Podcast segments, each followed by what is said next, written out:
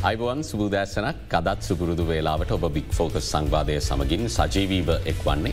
ඉතාම් වැදගත් මාතෘකාවක් ගැන අදත් අපි අවධානය යොමු කරන්න සූදානමින් ඉන්නවා. මොකද මේ මාතෘකාව රටේ අනාගතය තීරණය කරද්දී ඉතාම වැදගත් සහ තීරණාත්මක භූමිකාවක් ඉටු කරන මාතෘකාවක් වන නිසා. ඔට මතක ඇති අවසාන අයවැෑ ඉදිරිපත් කරමින් ජනාධපති රනිල් වික්‍රමසිංහ මහත්මයා කිව්වා ලංකාවේ කම්කරු නීතිය සංශෝධනයට ලක් කිරීම කාලීන අවශ්‍යතාවයක් වන නිසා මේ නීතිය සංශෝධනයට ලක් කරන්නට කටයුතු කරනවා ඒ සඳහවන වැඩ පිළිවෙල කාරම්භ කරනවා කියලා. දැන් මේ වන විට මේ කම්කරු නීතිය සංශෝධනය කිරීමට අදාළව පවතින තත්ත්වය මොන වගේද මේක මොන අධීරයක්කද තියෙන්නේ.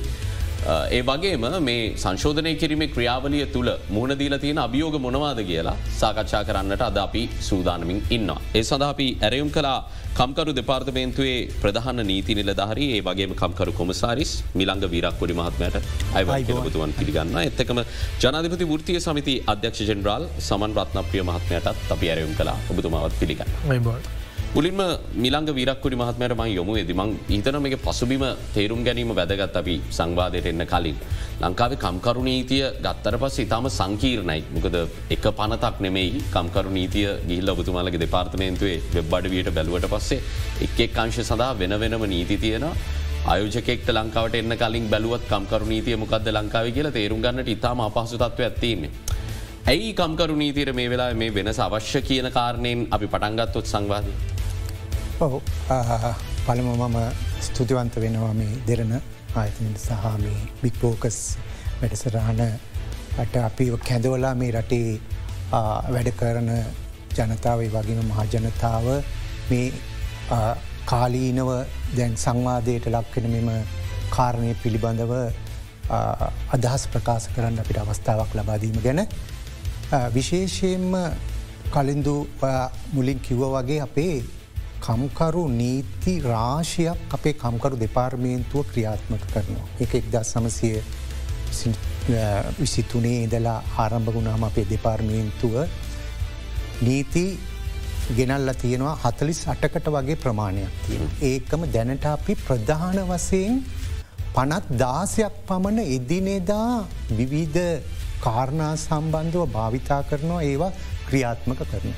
අපි ප්‍රධාන වසයෙන් ගත්තොත්හෙම කම්කරු නීතිය දැනට අපි ක්‍රියාත්ම කරන නීතිය සරලව තේරුම් ගන්න කොටස් කීපයක් ඇතේ අපිට ඕක බලන්න පුළුවන් දැන් අපි ගත්තොත්තේම කාර්මික සම්බන්ධතා එහෙම නැත්තං කාර්මික සාමය වෙනුවෙන් මොන වගේ නීතිද ක්‍රියාත්මක වෙන්. අපි ගත්තොත් ප්‍රධාන වසයෙන්ම එක්දාසම්සි පණහෙක් කාර්මික ආරවුල් පනත ඒ වගේ ෘතිය සමිති ආඥා පනත එක්දා සමසි තිස් පහහි ඒ වගේම සේවය අවසං කිරීම පනත එක්දා සමසි හැත්තැකි ඒ වගේ පනත් කාර්මික සම්බන්ධතා සක්තිමත් කරන්න ඒවා කාර්මික සාමය පවත්වාගෙන යම සඳහා ක්‍රියාත්මක.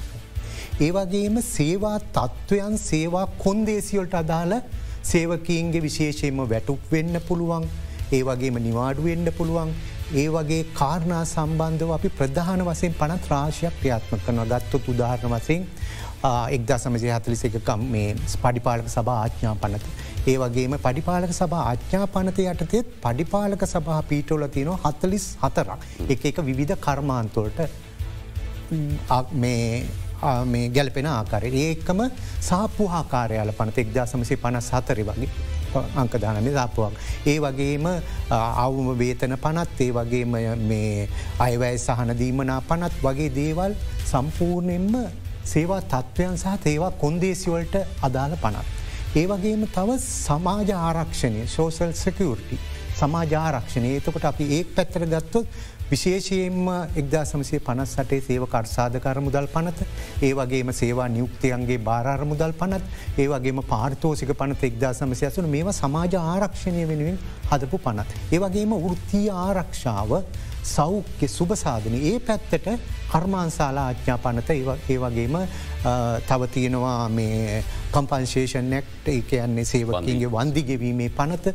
ඒ වගේ පනත් ඒ පැත්තර ඒ වගේම කාන්තාවන් සහ ළමයින් සම්බන්ධව වෙනම තියෙනවා. කාන්තාවන් තරුණු ඉන්හස් ළමින් මේ ආකාරයට රීති රාශියක් විවිධ ක්ෂේත්‍රයන් වලට ඔබතුමා කිව් ආකාරයටම අපි ක්‍රියාත්ම කර. මෙතන බැලූ බැල්මට ලොකු සංකීර්ණ තාවයක් තියෙනවා. යම් කිසි සේවායෝජකයකුට සේවකයෙකුගේ තමන්ට හිමි අයිතිවාසිකම් වගකී මොනාද කියලා එක පාරටම බලල තේරුම් ගන්න පුළුවන් ආකාරයේ ක්‍රමයක් නැහැ. නීතියේ එති ගොඩක් නීති අධ්‍යයනය කරන්න වෙනවා විශේෂයෙන්ම ඒ ඒ සේවක වර්ග සහ තමන් යෙදෙන කර්මාන්තොල ස්වභාවය අනුව නිවාඩුද පැටුබ්ද විවිධ සේවා තත්වයන් වෙනස් වෙනවා බිද මේක පටන් ගන්නකොටම කලින්දු අපේ දැ ඉදා සමසය හතලිස්සකේ පඩිපාලක සභා අඥා පනත පටන් ගන්නකොට ඒක විශේෂයෙන්ම අවධානයට යොමුකරේ මේ රටේ විශේෂී මට බ්ලූ කොල නැත්තම කම්කරවා කියන ඒ පැත් අවධානට යොකල ඒගවට එක්දසමසේ පනත් අතරේ සාපුහ කාරයාල පනත ගේනකොට වයිට් කොලජොප් ඒ කියන විශේෂයම සාප්පුුවක කාර්යාලයක වැඩ කරන සේවකින්ගේ සේවාතත් එතකොට මෙතන යම්මාකාරයක විෂමතාවයක් බෙදීම පටන් ගන්නකොටම තියෙනවා. ඒ හරහා සේවාතත්වයන් කොන්දේසිවලත් වෙනසත් තියෙනවා. තැ උදාහරණයක් වසෙන් ගත්තොත්තෙම සා එකම ආයතනයක එතන අපිහිතම උදාහරණයක් වසින් අපි ගාමන්ටිකක් ගන්න එතකට ගාමන්ටිකේ කාර්යාලයක් තියනවා ඒක තව වැඩ කරන ඉන්නවා මැසින් ඔපරේට වෙන්න පුළුවන් හෙල්ප වෙන්න පුළුවන් ඒ ගොල්ල කර්මාන්සාලාව වෙනමම නීතියක් බලපාන්නේ. එතකොට නිවාඩුවල ගත්තොත්තේම ඔෆිස් එකේ වැඩ කරන අයට අනියම් නිවාඩු නැත්තං ඒ වගේ නිවාඩු වැඩි. නිවාඩුවලින් ගත්තොත් වැඩි. ඒ වගේ මේ ගොල්ලන්ගේ සේවා තත්වයන්ට අදාළ පත්වීම් ලිපිනිකුත් කරන්න තියෙනවා විවිධ විෂමතාවයන් තියෙනවා. ඉතින් මේ වගේ එන්ම සකස් කර විෂමතාව විෂමතාවයන් තියෙනවා සංකීර්ණතාවයක් තියෙනවා. ඉතින් එතකොට මේ සංකීර්ණතාවය අවම කරගෙන කොහොමද ඒ බුක්ති විඳපු අයිතිවාසකනුත් සේවකන්ට දෙන ගමන් විෂමතාවයනුත් නැති කරලා අදට ගැලපෙන විදිහට මේ නීතියක් යම් කිසි ආකාරයකට අපි ගත්තොත් එම ඒකාබද්ධිතව එක නීතියක්. දැන් විශේෂයෙන්ම ගරු අමාත්‍යතුමා අපේ අමාත්‍යන්සේ භාරගත්තු අවස්ථාව ගියාවුරුද්දේ මනසුනානක් කර අමාත්‍යතුමා අපේ නිලධාරින්ව කැඳෙව්වා. සම්පූර්ණ ජේෂ්ඨ නිලධාරින්. අපේ දැන්ට ඉන්න කම්කර කොමසාර්් ජනරාල්වරයත් නීතිත්වරේත් ඒ වගේ අපේ කම්කරු අමාත්‍යන්සේ දැන්ට ලේකම්වරෙන් කට් කටයුතු කරන විමල විර මැතිතුමා ප්‍රභාචන් එතුමා ඉස්සල්ල හිටපු කම්කර කොමසාරි ජනරාල් දැන්ගේ වගේම අමාත්‍යන්සේ ලේකම් එතුමත් මේ විෂය පිළිබඳ දෙන්නාම විශ්ව පිළිබඳ ප්‍රාමාණික දැනුමත් තියෙන දෙදෙනෙ. ඉතින් ඒකම අපේ ජේෂ්ඨ නිලධාරින් කැඳවල අමාත්‍යවරයා අපේ මොනාද විව්හාත්මකව වෙනස් වී යුතු තෑ මොනාද තියෙන ප්‍රශ්න මොනාද තියෙන අපි ක්‍රියාත්කර දේවල් පිළිබඳ විමස. එතුමාට එතකොට අදහසක් කාවා ඇයි මේ නීති සමූහයක් මේ සංකීර්ණතාවයක එක නීතියක්කට මේවා ගෙනල්ලා. ඒකාබද්ධිත නීතියක් හදලා මේක ව්‍යාපාරිකයන්ට වෙන්න පුළුවන් මේ රටේ වැඩ කරන ජනතාවට වෙන්න පුළුවන් පහසුවෙන් තේරුම් ගන්න පුළුවන් වෙන ආකාරයකට නීතියක් හදල මේක ක්‍රියාත්මක කරන්න බැරි ඇයි කියන ප්‍රශ්නය එතුමා ඇහුව. ඒක තමයි මේ සංකල්පය එතුමා තමයි ඉදිරිපත් කරේ බලලා මේක ඇයි එක නීතියකට මේ හදන්ඩ කියන එක. අපට පැහදිලි කරගන්න පුලන් සංවාදය ඉදිරිට ඇදදි තව කතා කරන්න බහූදේවල් තිබෙනවා. සමන් රත්න ප්‍රියමාත්මයා දැන් කම්කරු ප්‍රජාව නියෝජනය කරන වෘතිය සමිති කණ්ඩායම් සහ කම්කරු දෙපාර්තමේන්තු අතර සම්බන්ධිකරණයක් ඇතිකිරීම තමයි ඔබේ භූමිකාව කියලා මම තේරුම් ගන්නේ. තුට දැම් මේ අවස්ථාවේ අපි කියවන මේ වෙලා වෙනස් වෙනත් නීතියක් සම්මත කරනවට වඩා මේ සමාජයෙන් මොන වගේ වෙනස්කම්ද අවශ්‍ය කියන යෝජනා බාර ගැනීම මේ වෙද ආරම්භ කල තිබෙන කියලා කම්කරු නීතියට අදාලව. නමුත් ෘතිය සමිති කිහිපයක් එක්ක සාකච්ඡා ආරම්භ කල්ල තිබුණ නමුත් මුල්ල අවස්ථාවේ සම්බද්ධ වෙච්ච ෘතිය සමිති අතරින් ඇතැම් ෘතිය සමිති මේ වෙද්දි මේ ක්‍රියාවලියට දායක වෙන්නේ නැහැ කියලත් අපිට තොරතුරු තියනවා. මොකක්ද මෙත නුනේ ඇත්තරම. ඇත්තරම මේක වැදගත් සාකච්ඡාවක් කම්කරු නීතියේ සංශෝධනය කියන කාරණය අපේ අපේ ඉතිහාසින් නම්ම සාකච්ඡා කරපු එක. අපේ රටේ රාජ්‍යන්සයට එක නීතියක් තියෙනවා පෞද්ලිකාංශයට එක නීතියක් තියෙනවා. අර්ධරාජ්‍යන්සයට තවතව නීති දින අන පනත් තියෙන මෙතුම කියපු විදිහටම. කම්කරු කැන ෘත් සමති ආඥා පනතේ පනතගත්තොත් මූලික නීතිය විදියට මේක එක්දසම්සි තිස් පහයෙන්නේ. ඉළඟට එක අපි හදපු එකක් නෙවේ කෙන සුද්ද හදපු එක. ඊළඟට ඒක පොඩිපොඩි සංශෝධන වෙලා තියෙනවා. ඊළඟට අයිඩ ඇක්ටේ ගත්තුත් එම කම්කරු ආරවුල් පනත එක්දසම්සි පණහෙන්නේ. පුංචි සංශෝධනය කරාට රටක් වසේ නිස්සරහට යනකොට කළ යුතු වෙනස්කම් සමස්තය විදියට දිහ බලලා මේක වෙනස් කරලා නෑ. එක නිසාම පෞගේ අවුදු ගණනාවක් තිස්සේ අපි මේක සංශෝධනය කරන්න කියලා කිව්වා මුත් කාටත්වය කරගන්න බැරුණ. ඉලට ඔබ දන්නවා ලෝක නීතියක් තියෙන එකට අදාලව. අංකාසු හත ජාත්‍යන්ත්‍ර කම්කර සංවිධාන අංකාසු හත ප්‍රඥප්තියෙන් කියන්නේ සංවිධානය වීමේ නිදහස. ප්‍රීඩම්ම ෆැසෝෂේෂන් කියල. ඒ මූලික නීති පදනම් කරගෙන තම රටවල්ල නීති හැදනිසා වෙනස්වෙන්. ඉලට අපි දන්නවා අංක අනුවට අජෙල්ලෝ 98 කන්වෙන්ෂන් කෙලෙක් තියෙන එකන් තියෙන කලෙක්ටව භාගේනින් කෙන අයිතිවාසිකම් දෙ නැතුනාම සාමහිකව කේවල් කරලා අයිතිවාසිකම් දිනාගන්න විදිහ. ඒ ක්‍රියාවලට ආණ්ඩු සහයෝක දෙන්න ඕන කියලත් තියෙන ඒ නීති. ති මේ අනුසාරයෙන් තම රටක නීති හැදෙන් නම් රටවල් නීති අලුත් වෙන්ඩ ඕන. අලුත් නොවනම පර නීති ඇතුළ අපි අලුත්වෙන්න දඟලන තුට කරන්න බෑ. දැ අප රට බලන්න අලුතෙන් පෝට් සිටික් ගෙල්ල තියෙන පෝට් සිටිය වගේ තැනක රටේ නීතිසා ජාතත නිත්‍ය ක්‍රියාත්මක වෙන්න පුළුවන්. ඒම ඒකොල ආයෝක විදි ලංකාවට එනකොට ඒකොල වෙනස්කම් ඉල්ලනවා. පහසුව ඉල්ලනවා. ඒ නොදුන් නොත්තෙන්න ආයෝක යනවා. ති මේ මොහොත අපේ රට ගොඩගන්න උත්සාහ ගන්න අවස්ථාවක් වැඩිච්චරට ගොඩෙන්න්න දඟල අවස්ථාවක්. ඒ අවස්ථාවේ නීති සංශෝධනය වෙන්ඩ ඕන. කම්කරු ඇමතිවර විදියට මේකට සාධනය පියවරක් තියලා තියෙන.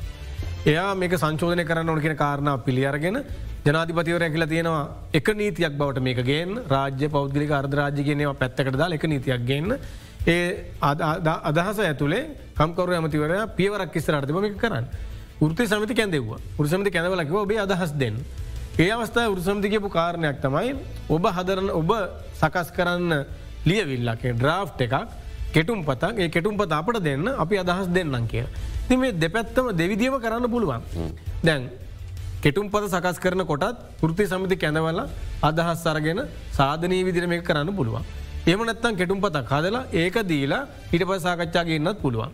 හැබ ම දන්න ඉතිහාසේ ඔය කෙටුම්පත් හදල එලිට දාලා කතා කරන වෙලාවේ චෝදනා තම ඉදිරිපත් කර. අනිවර විවේචන විවේචන කරන එක ඔගොලු හදල තියෙනවද ඔකොල මේක ගේනවා. ඕකොල් ගේනකට අපිම මේ එකතු කරගන්න දඟලනවාගේ ද හදන්න හදනකොටම සාකච්ඡා පටන් ගන්න එක හොඳයි. අදාල් පාර්ශවයන් කැනවල ති ඇයි මේ වෙනස් විදියට හිතන්නේ?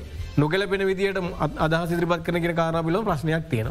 ද වර්තමාන උරුසම්දි ව්‍යාපාරය වගකීම තමයි දැනට අවුරුදු පහකට කලින් තිබුණ අටනවේ දැන්තියෙන්. දැනට අවුදු විස්සකට තියට කලින්දිම රටනේ දැන්තියෙන්. මේ රට තියන තත්වය අවබෝධ කර රට ලෝක ඇත් එක් අර්ගෙන යන්නකින් තත්වය අවබෝධ කරගෙන දැන් වර්තමා රට ගැලපෙන විදිට හැසිරෙන්ඩ ඕන අපි දක්න පහුගේ කාල තුළ ඇතිවෙච ෘති ක්‍රියාමාර්ග උපයනට බද්ධට වෙන්න පුළුවන් වෙන කාරණාවට වෙන පුළුවන් කිසිදු ඒග්‍රහණයක් නැතුව අවසන් කරගන්න සිද්ධ වුණා. ඒකන බුදු හමුදුර ඉපදු බුදුහාදුර බුදු බව ලැබි පස්මා බැලුම් බලන්නේ. අපේ රට ෘතය සමිතිත් වර්තමාන තත්වය අවබෝධ කරගෙන වැඩ කරන්න ඕන. එම නොකොරොත් එහෙම වෙන්නේ ඒ ක්‍රියාවලි පැත්තකින් දීලා රටේ ක්‍රියාවලි ස්රහට යන. ද රටේ ක්‍රියාවලට දායක වෙන පුළ අවස්ථාව තියෙද්දී. ඒක සාධනීයව නොගෙන වැරදි මතවල ඉඳගෙන වැරදි සම්ප්‍රදායනට ඉඳගෙන කටයුතු කරනවා නම් ඒක අමාරු ගැලපෙන්නේ නෑ ප්‍රායෝක නෑ දැහැමෝම එකතු වෙලා මේ නීති හදාගෙන ස්රහට යන්නවන කෙනෙක තමයි අපේ අදහස ආණ්ඩු පියවරක් තියලා තියෙනම් ඒකට අපි එකතු වෙන්න ඕන. වෙන උත්තරයක් නෑ දැම් බලන්න ජාතික කම්කර උපදේශක සභාව. අපේ රටේ තියෙන. ඒක ජාත්‍යන්තර කම්කර සංවිධාන එකසි හතලිස් හතර කියන කන්වෙන්ෂන් එක අනුව සකස් කරපය එක. හැබැ මේ ජාතික කියන කාරවිල ප්‍රශ්නයක් තියෙන ම එදත් ප්‍රශ්න අදත් ප්‍රශ්න කරන. මේකේ සම්බන්ධලායින්න පෞද්ගලිකාංශය ෘති සමති විතරයි. ජාතික කියන්න බෑ නෙහෙම රාජ්‍ය අර්ධරාජ්‍ය පෞද්ගලිකාංශය උරු සමති කණ්ඩායම් තුනත්තින අපේ රටේ තුනම එකතු වෙන්න ඕන හම රාජ්‍යන්සය උරු සමති නෑ මේ ජාතිකමරු කම්කරු උපදේශක සභාව. එතකොට රට විදියට තීන්දු ගන්න මේ ස්ථානයේ නං රාජ්‍යංශය නියෝජනය කරන ලක්ෂ පහලවක් දාසයක් වන කම්කරුවන්ගේ නියෝජනයක් මෙතන නෑ. තුර මේකත වෙනස් වෙන්න ඕන. ඒ වෙනස්කම් යෝජනා කරන්න අපි ඇවිල්ලා. ඒක ඇමතිවර අවස්ථාව දිලතින ජනතිපති අවස්ථාව දිලතින එක නොගෙන ඉන්නවන්න මේ ප්‍රායෝගිකන පලවෙනි රැස්වීමට ෘතිය සමිති කීයක් සහභාගි වුණාද මේ සම්බන්ධ පැවැත්තේ. මම හිතන විදේ උරුසමිති පණහකට වඩා ප්‍රමාණයක් සම්බන්ධ වනා දෙවන රැස්වීමට මත් සම්බන්ධ වනා මමත් අර්ගෙන ගිය ෘති සමති විසි පහත්තියක් වගේ ප්‍රමාණයක් අපිත් එක වැඩ කරන ඇතිව සාධනය යෝජන ආවා ඒවගේ එම්පලෝස් පෙඩරේෂන එක හාම්පුතුන්ගේ සම්මේලය සම්බන්ධ වෙලා හිටිය. විවිධ හාම්පුතුන් සම්බන්ධ වෙන විධ කණ්ඩායම් සම්බන්ධ වෙලා හිට විධ ශේෂ්ටවල. ති ඒ කණ්ඩායම් තුනම එක තුලා තම මේ නීති හදාගන්න ඕන. එම නතු ෘති සමතිවලට විතරක් හොඳයි කියල හිතර නීතියක් හැදුවොත් ව්‍යාපාරිකයට ගැලපෙන්නේ නෑ ආයෝකයන්ට ගැලපෙන්නේ නෑ. ව්‍යාපාරිකයන්ස ආණ්ඩුවල ආණ්ඩුක තුළ හැදුවත් කම්කරෝ ආරක්ෂාවවෙන්නේ නෑ උරසම තුළ ගැලපෙන්නේ නෑ. කණ්ඩායම් තුන එක තුලා වාඩි වෙලා කතා කර මැද තැනකට ඇල් මේ හදාගන්න ඕන ඒක වගකීමක් මේ වෙද්දි කොපමන ෘතිය සමති සංඛ්‍යාව සක්‍රිය මේ සාකච්ඡාවල ඉන්නවාද. මම හිතන්නේ කම්කරු ඇමතිවරයක් කැඳපු මේ සාකච්ඡාවට තුනක් මගේ මතක හැටිට තුනක් තිබුණ. තවට දෙකක්කෝ තුනක් කොහු තියන බලාපොරත්වය බවත් මට කිව්වා. මමත් සාමාන්‍යයෙන් මේ වගේ අලුත් දෙයක් කාවම අපේ උර සම්ති අධ්‍යක්ෂණඩාල් කාර්යාලය විදියට සම්මන්ත්‍රණ සකස් කරන අයමප ගැන කතා කර අපි ප්‍රතිදස්ත පනත ගැන කතා කරය වගේ මත් උත්සහ ගන්න රටේ සියලු මුර සමති ගෙනලා ඒවගේ සංවාධයක් තියන්න කම්කර ඇමතිවරගේ මූලිකත්තේ. ඒවගේ සාධනීය පියවරවල් ගණනාවක් කැනවා. ඉති ඒකට එකතු වෙලා මේක කරන්න ඕන වියුක්ත වෙලා පැත්තකට ගිහිල්ලා ගැටුමක් මානසික හදාගෙන විතරක් මේක කරන්න ගියොත් මේක ප්‍රශ්නයක් බෝඩ පරිවර්තනය වෙනවා. නීති අලුත්වෙයි නීතියයයි අනිත්තය පැත්තකින් ඉදී. විළඟ විරක්කුඩි මහත්මය දැන් මේ විශාල සංකීර්ණ නීති පද්ධතියක් එක පනතකට අරගෙන එක නීතියක් කරනවා කියන්නෙත් අභියෝගාත්මක කර්තව්‍යයක්. මේක දැන් අදහස් විමසන අධීරයේ තමයි මේ වෙද්දි තියෙන්නේ. එතකොට මේ වගේ සංකීර්ණ කටයුත්තකට අදහස් විමසල ඉවර වෙලා මේක කෙටුම් පත් කරන අවස්ථාව දක්වාම කොපමන කාලයක් ගත වෙන්න පුළන් ක්‍රියාවලිය. ඔව දැනට මෙහෙමයි දැම් මේක ගරු අමාත්‍යතුමා ඒ වගේ අමාත්‍යයන් සේලේකම් සම අපි දෙපාර්මිත ප්‍රධානී අපි ඔක්කොම මේ අවස්ථාව මුල ඉඳලම ඉන්න මේ වැරදිී මතයකුත් මේ වන විට සමාජගත වෙන මං ඒක පිළිබඳවත් පොඩි නිවැරදි කිරීමක් කරන්න අවසර ඉල්ලනවා.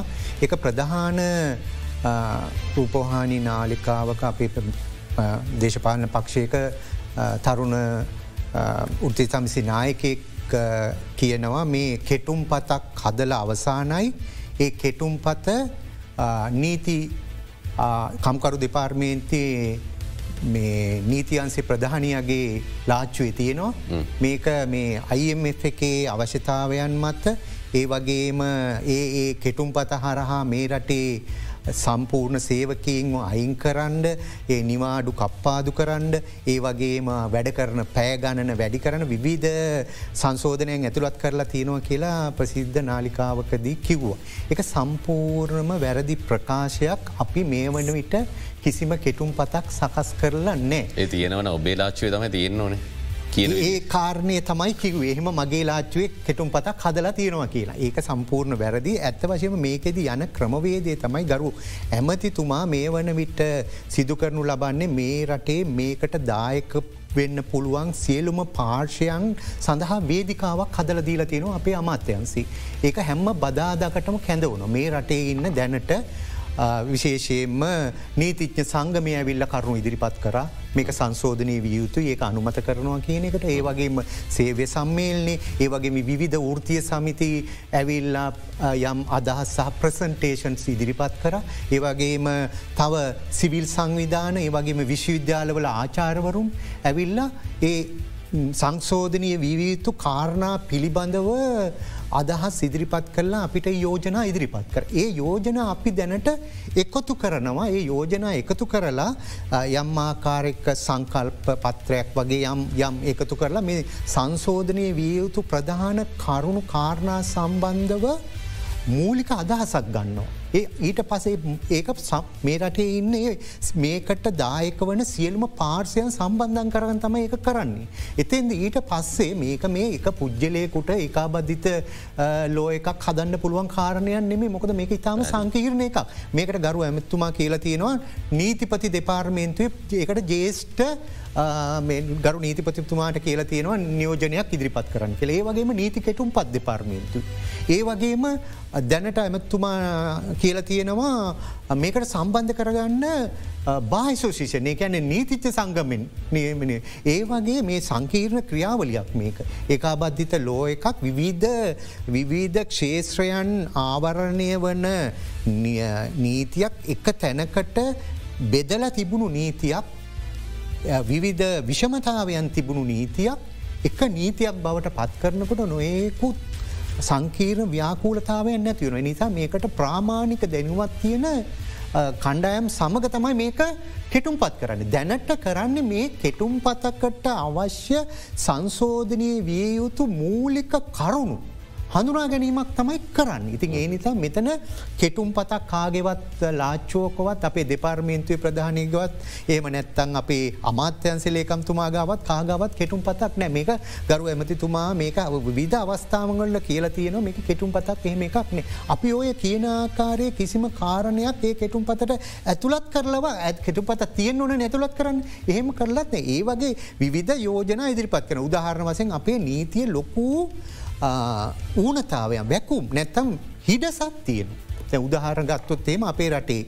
අද මේක අවුරුදු හැත්තෑවක් අසුවක කාලයක සේවා තත්වයන් සේවා කොන්දේසිවල අදාල නීති අපි අද භාවිතා කරන්නේ වගේ සුල් සුළු අර වෙනස්කම් කරලා තියෙන එක ඇත්ත. නමුත් අදට ආර්ථික සමාජීය මේ වෙනස්කම් වලට ගැලපෙන ආකාරයට සමහර දේවල් අපි ඇතුළත් කරන උදාහරණයක් වසින් ගත්තොත් එම දැන් අපි අද හුඟක් අයිගේ ඉල්ලීමත් තින මේ පාට්ටයිම් නැත්තම් මේ අර්ධ කාලින රැකයා නීතිගතකද අපේ රට එහෙම අපේ නීතියකට වැකුම්. එක දැ උදාරණයක් අනිත් පැත්තෙන් ගත්තද තමාර පාර්ශයන් ඉල්ලනවා අපි තේරෙන්න කියන ෆ්‍රීලාන්ස් පදනම් මත වැඩ කරන කෙනෙක්ට මේ කම්කරු නීති අදාලවෙන්න නැහැ කියන එක. ඕ ද ඒ ඒම පැත්තකුත් ඒක ඒක කොහොමත් එතකොට අර සේව සේවක සම්බධතාවයක් තියෙන් ඕනනේ. ප්‍රීලාන්ස් කිව්හම එයා එයා එයා කෙලිම ස්වාදීනව වැඩකන ඉන්ඩිපෙන්ඩන් කන්ට්‍රක්ට වගේන. හාම්පු එයාම ඉති ඒ ඒ තත්වයන් ඒගොල්ලන්ට නම් වෙනම ඉන්සුරන්ස් කීම එකක් ගැන අමත්වරයා යෝජනා කරලා තියෙනවා. මේ රටේ තින්න සියලුම්ම සේවකන්ගේ සමාජාරක්ෂණයක් තියෙන් ඕන. දැන් අපේ ගත්තත් අපේ මේ කම්කරු නීති ක්‍රියාත්මක කරන්න විදිමත් අන්සේකට මේක අවධිමත් අන්සයක් තියනවා. ඒ අවධිමත් අන්සේ වැඩ කරන අපේ අවධිමත් අන්සේ අපේ ආර්ථිකයේ විශාල කොටසා නැත කොරුණ වසංගතයාපු වෙලෙහෙම අපි දැක්ක ඒ අවිධිමත් අංශය කොච්ච රසිරුතාවකට පත්වන අත්වනාද කියන එක. ඉතින් ඒ ගොල්ලන්වත් කොහොමද මේ සමාජාරක්ෂණ දැලකට අපි ඇතුල් කරගන්නේ කියන එක ගැන දැනට කල්පනා කරනවා. අපිට බෝධේ පැහදිලි කරගන්න තියෙන ඉතාම් බැදගත් සංවාධයක අපි ඉන්න. කෙටි විරාමයකට යායුතුයි විරාමෙන් පස්සේ ඉක්මනින්ම යලිතවන්න.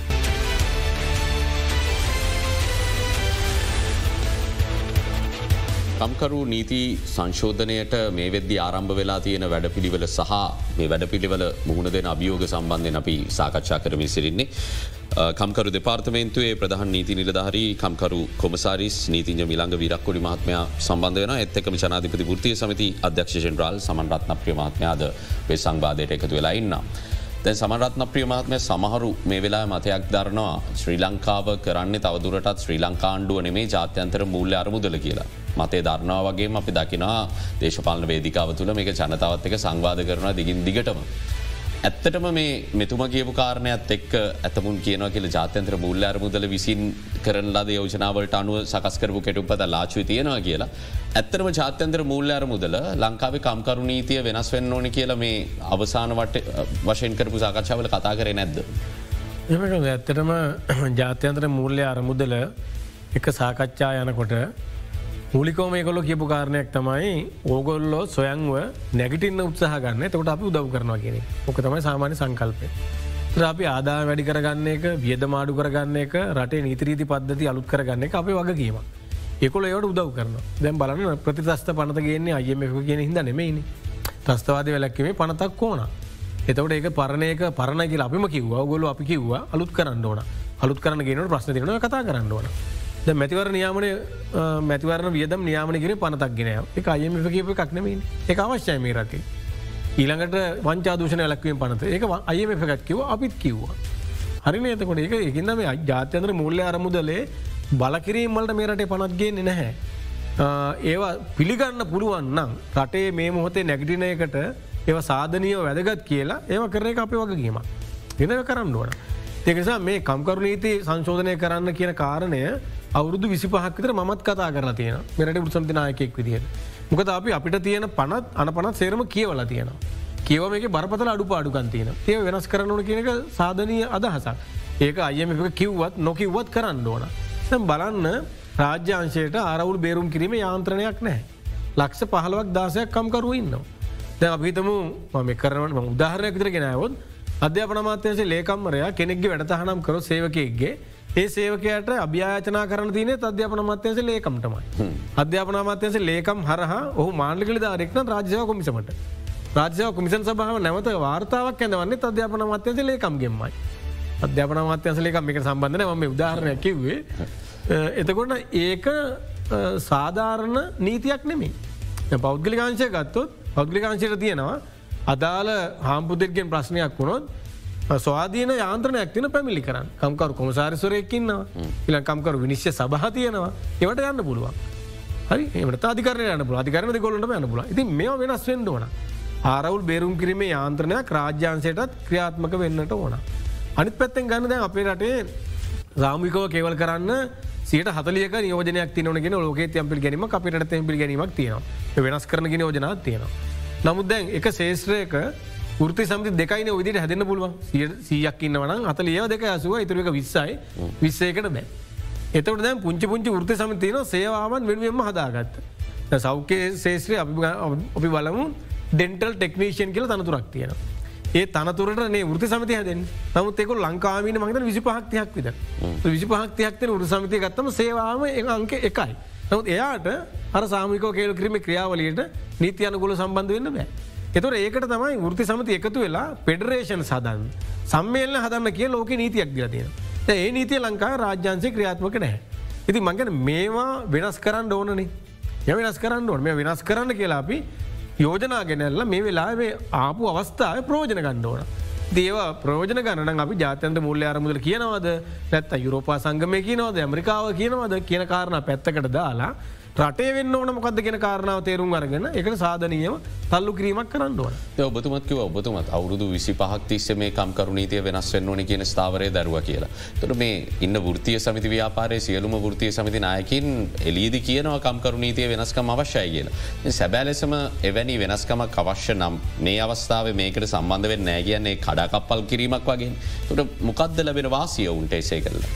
ඇතනම වාසියකත්තයෙන් නැහැ. අපිට නිකං සොයංව සන්තෝස වෙන්න පුළුවන් මේ පොඩි මේ සාමානය ගහගන්නවා ගහගන්න ලෑස්ති වගේ පනිට ඇත්දෙන් ප්‍රතිඵලයක් නෑ. ඔවු නියෝජනය කරන කම්කර ප්‍රජාවට ප්‍රතිඵලයකුත් නෑ. එකතු වෙලා සාධනය මේක යම් යම් වෙනස්කම් කරගත්තොත් එක ප්‍රතිඵල ලැබෙන කම්කර ප්‍රජාවටනේ කම්කර ප්‍රජාවට එහම ප්‍රතිඵල ලැබුණම කම්කරු සාමයටන අතවනන්නේ. කම්කරු සාමය කියන රටේ සම්වර්ධනයට අත්‍යවශ්‍ය කාරණයක්. මෙවැනි අර්බුදයකට පත්වෙච්ච රටකට අත්‍යවශ්‍යම කාරණයක්. එතුර ඒ කාරණයට අපි සහයෝගය දෙනකොට රටන ඉස්සරහටයන් රටේ අනාගතය රටේ දරුවෝ ප්‍රජාව රට එහෙමයන්. තියක් නිසා මේ වෙලා ෘති සමති මේකට සාධනය වැදිහත්තෙන්ට මෝන දැම් බලන්න අපේ රටේ විවිධ ශේෂ්‍ර තියනවනි අසම් විධ ශේෂත්‍රයක් තියන එකොල්ලො සංවිධානාත්මක නැහැ අපේ රටේ පෞද්ගලිකාංශයගත්තොත් ලක්ෂ හැට පහ ඇත්තෑවකතර කම්කරු නියෝජනය කරන. මේකෙන් සියට අටේ සිට දොළහදක්වා තමයි සංවිධානාත්ම කණ්ඩාය. බලන මොනතරම් ප්‍රජාවක් අසංවිධානාත්මක කියලකෙන ෘත් සමතිවල සාමාජිකත්වය අරගෙන නැහැ. නමුත් රාජ්‍යන්සකතත්වයගේ වෙනස් අතිවිශාල ප්‍රමාණයක් සාමාජිකත්වන සංවිධානාත්මක. නමුත් අපේ ආරෝ ආයෝජන කලාපතියන මේ ආයෝජන කලාපොල නීතිරීති අලුත් වෙන්නට ඕන. පෝට් සිට එකක් වගේ ආවත්තේ ඒක නීතරීති ගැන අපි අලුතෙන් හිතන්නට ඕන. ඊළඟට චෛල්ලේබ වගේ කාරණා තියෙනවා ගෙන දරුවෝ මේ සේවන්නල යදෝ ගන්න එක නීතිරීති තියෙන. කාන්තාවන තින සුවිශේෂ නීති රාත්‍රි සේවා වෙන්න පුළුවන් ඒක වර ප්‍රසාද වන්න පුළුවන් ඒවා. ති මේවා අලුත් ලෝකයට ගැලපෙන විදියට අපි හදාගන්න ඕන. ඒක මූලික වගේ තියන ෘති සමතිවලට. ඔබතුමකිව සියට අටත් දොළහත් අතර කියලා තියෙන පෞද්ගලිකංශයේ සංවිධානාත්මක මේ ෘතිය සමිතිත් එක් එකතු වෙලා ඉන්න පිරිස. එතකොට සමහර පෞද්ගලික ආයතනවල කළමනාකාරිත්වය එත්තෙක්කම සමරට පෞද්ගලික ආයතනවල සේවය කරනය පවා දකින්න නැහනේද ෘතිය සමිතියකට එක්වීමේ අවශ්‍යතාවයක් සමහර වෙලාවට ඔවුන් නිතනය අපිට අවශ්‍ය දෙයක් නෙමේ කියලා එහෙම අය වෙන්න බැරිද මේ ගොඩක්කි. ඔවු විවිධ කාරණා උඩ මේ සංවිධානාත්මක ශේෂත්‍රයට නොයෑම කියන කාරණය අපට පේන තියෙනවා.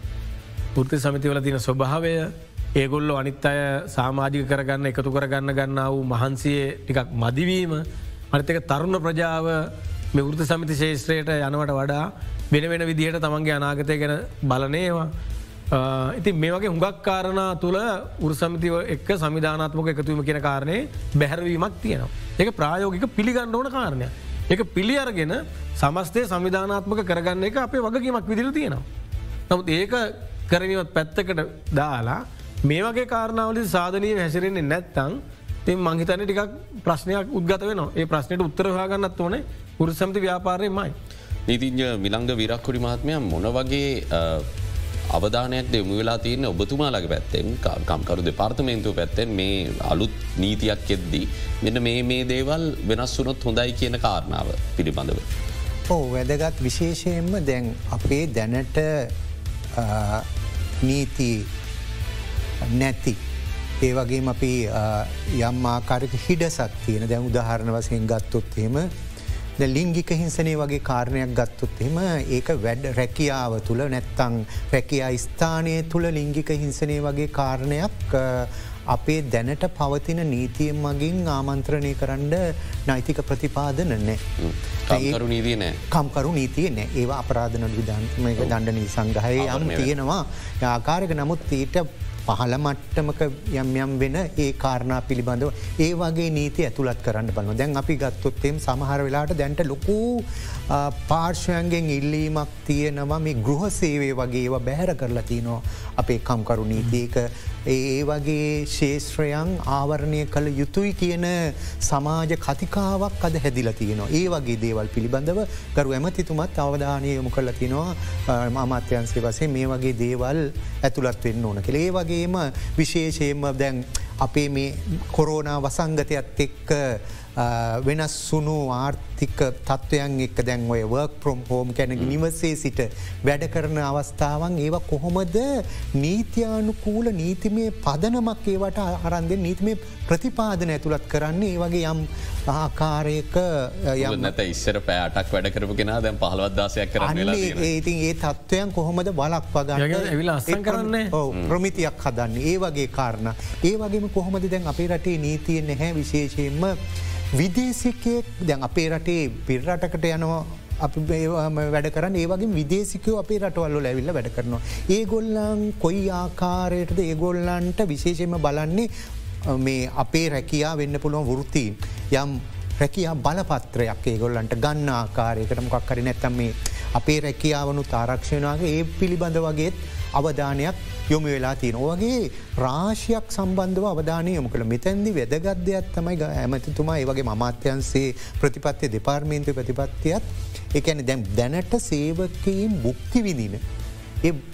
අවුරුදු තිහාතලයක් නැත්තං අවුරුදු හැත්තෑවක් අසුවක් ඒවා කප්පාදු කිරීමක් ඒවා ආරක්ෂා කරන ගමන් මේ ආර්ථික වෙනස්කම්වොලට සහ මේ ආර්ථික සංවර්ධනයට දායක වන විදිහට මේ කම්කරු නීතිය යම් ආකාරයකට වෙනස් කිරීම. දැන් අපේ රටේ දැනට පවතින තත්ත්වයක මේ කාන්තාවන් සේවිකාවන් අපේ ශ්‍රම බලකායට එකතු කර ගැනීමේ යම් බාධාවන්තියනවා. ඒ කියන්නේ ඒගොල්ලන්ට විශේෂම අතිකාල ගත්තත් අතිකාලවල ලොකූ බාධාවන්තියනවා යම් ආකාරයේ දැන් කාන්තාවකට සාපුහාකාරය පනත ගත්තොත් පැය නමයක් තමයි දවසකට වැඩ කරන්න අවසරේ තියෙන කෑම පැයකුත් එක්ක. ඒ වගේම ඒගොල්ලන්ට දාලා තියෙනවා පැය දොළහක් තමයි සතියකට තියෙන්නේ වැඩ කරන්න. නමුත් කාන්තාවන් ඉල්ල නො වැඩිපුර වැඩ කරන. දැන් අපේ අයිට විශේෂයෙන් ඔය තොරතුරු තාක්ෂණයක් එක්ක වැඩ කරන ස්ථානවල දැන් කාන්තාවන්ට බෑ අපේ සාපහාකාරයල පනතගත්තුත් තියෙන්නේ රාත්‍රී අට දක්වා තමයි වැඩ කරන්න තින අටයි දහයයි අතර අපි රෙගුලේෂන් මගින් ඉතාම සීමිත කණ්ඩායමක් අපි බැහර කරලා තියන ඔය රෙස්ටරන්් සොල වැඩ කරන වගේ. ඒගාවට රාත්‍රී දහයෙන් පස්සේ උදේ වෙනකං ඔය ගුවන් තොට පොළවල් වගේ පොඩ්ඩි කණ්ඩායමකට අවසර දීල තියෙන නමුත් සමස්තයක් වසෙන් මේ රටේ කාන්තාවන්ට අට දක්වා තම රාත්‍රී වැඩ කරන්න පුළුවන්. නමුත් දැන් ඔය අයිට තනින් එහට ඔවුන්ට මේ ෘති ඇතුළ යම්කිසි ප්‍රශ්යක් වුණොත් නීතියෙන් ආවරණය වෙන්න නැද්ද? නීතියෙන් කියන ඒක තානම් ඒකැන් එම්පලෝයට බෑම් මේ රක්ෂාවකට යොදවන්ඩ ඉතින් දැන් අපි ගත්තොත්තෙම දැම් මේ ආර්ථික වෙනස්කම් එක දැ විශාල ඉන්ඩස්ත්‍රීකත් තින මේ තොරතුරු තාක්ෂණයක් එක්ක බත්ත විච්ච. ඒ වගේ වැඩ කරන්න විශේෂම පිට රටවල්ලොල වෙලාවත් එක්ක. ඒවා දැන් අපිට සිද්ධ වෙනවා අනිවාරයෙන්ම ඒවා ආමන්ත්‍රණය විදිහට මේ පවතින තියෙන මේ වගේ තියෙන සීමාවන් ලිහිල් කරන්න විශේෂයෙන්ම ඉල්ලීම් තියෙනවා. ඉතින් ඒ ඒව සම්බන්ධ අපි අවධානය යොමු කරලා තියෙනවා මේ කෙටුම් පත් තරහ යම්මාකාරයක වෙනස්කම් භාජනය කළ යුතුයි කියෙන නොය වගේ ඒරිය සම්බන්ධ අපි කල්පනා කරනවා. හොදයි අපි තවත් කෙටි විරාමයකට යමුවන්නට සූදානම් වෙන්නේ විරාමෙන් පස්වේ අලිත්හොද.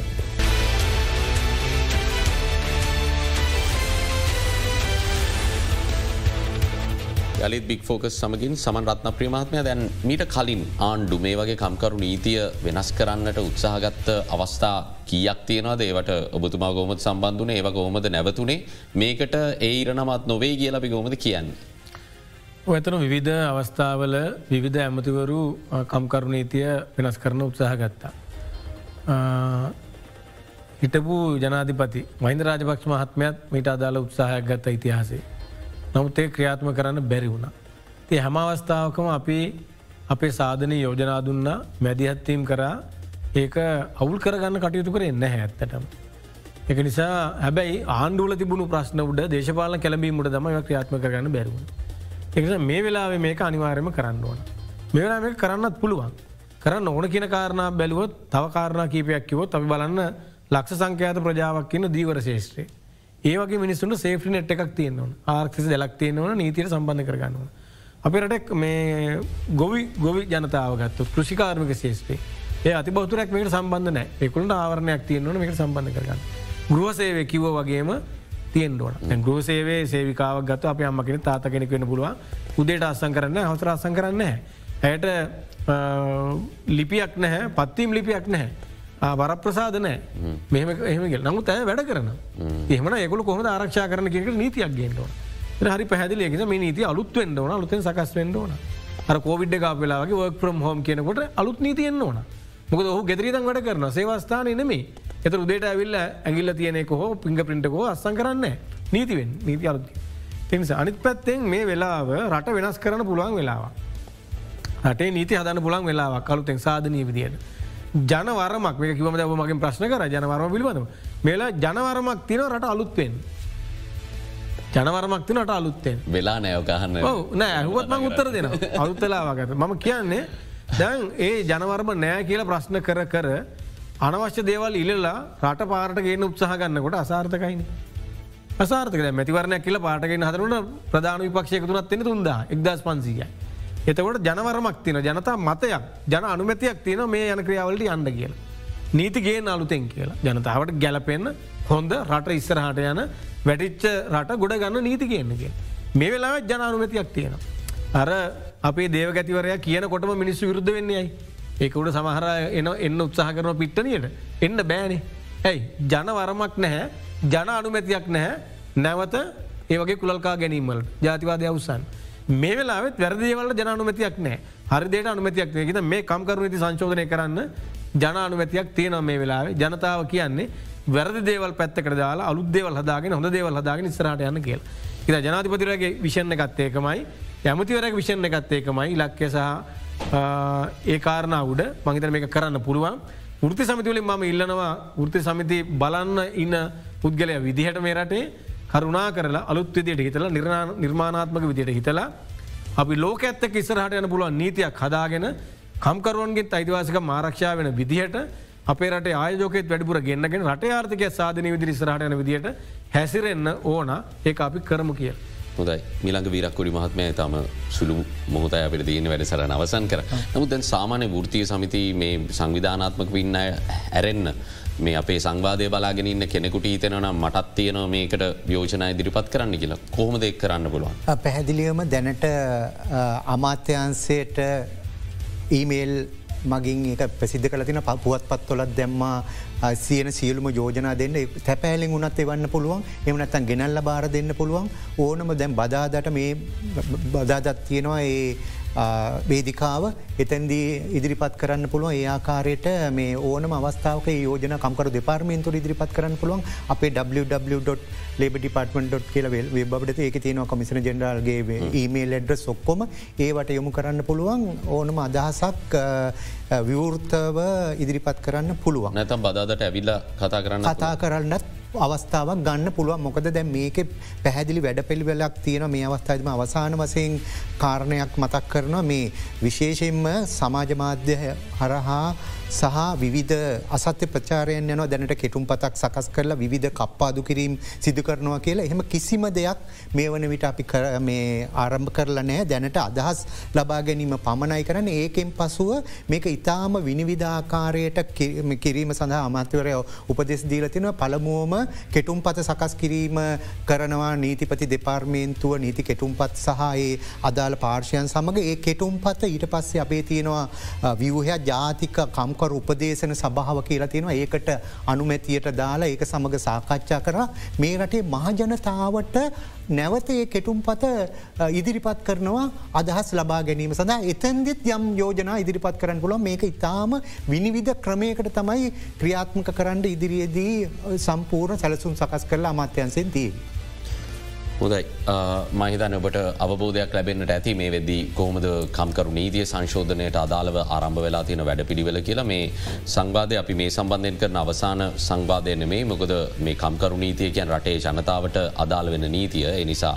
ඔබත් එක්ක මේ සංවාධය ඉදිරියටත් කරන්නට ඕනේ විශේෂ මේ නීති සකස් කරන පාර්ශව සහ රටේ මා ජනතාව අතර පාලමක් නිර්මාණය කරන්න බික් ෆෝකස් සංවාධය ඉදිරියටත් වෙන් කරනවා කියලා අපි මතක් කරන්න කැමති. බෙවින්ම සූතිවන්තයන ඔබ දෙපලටම අද අපේ ආරාධනාව පිළිගත්තාට. එසමගින් අදට අපි සංවාධයෙන් සමුගන්න හෙටත් හමුවම සුපුරුදු වෙලාවට සුපදිනයක්.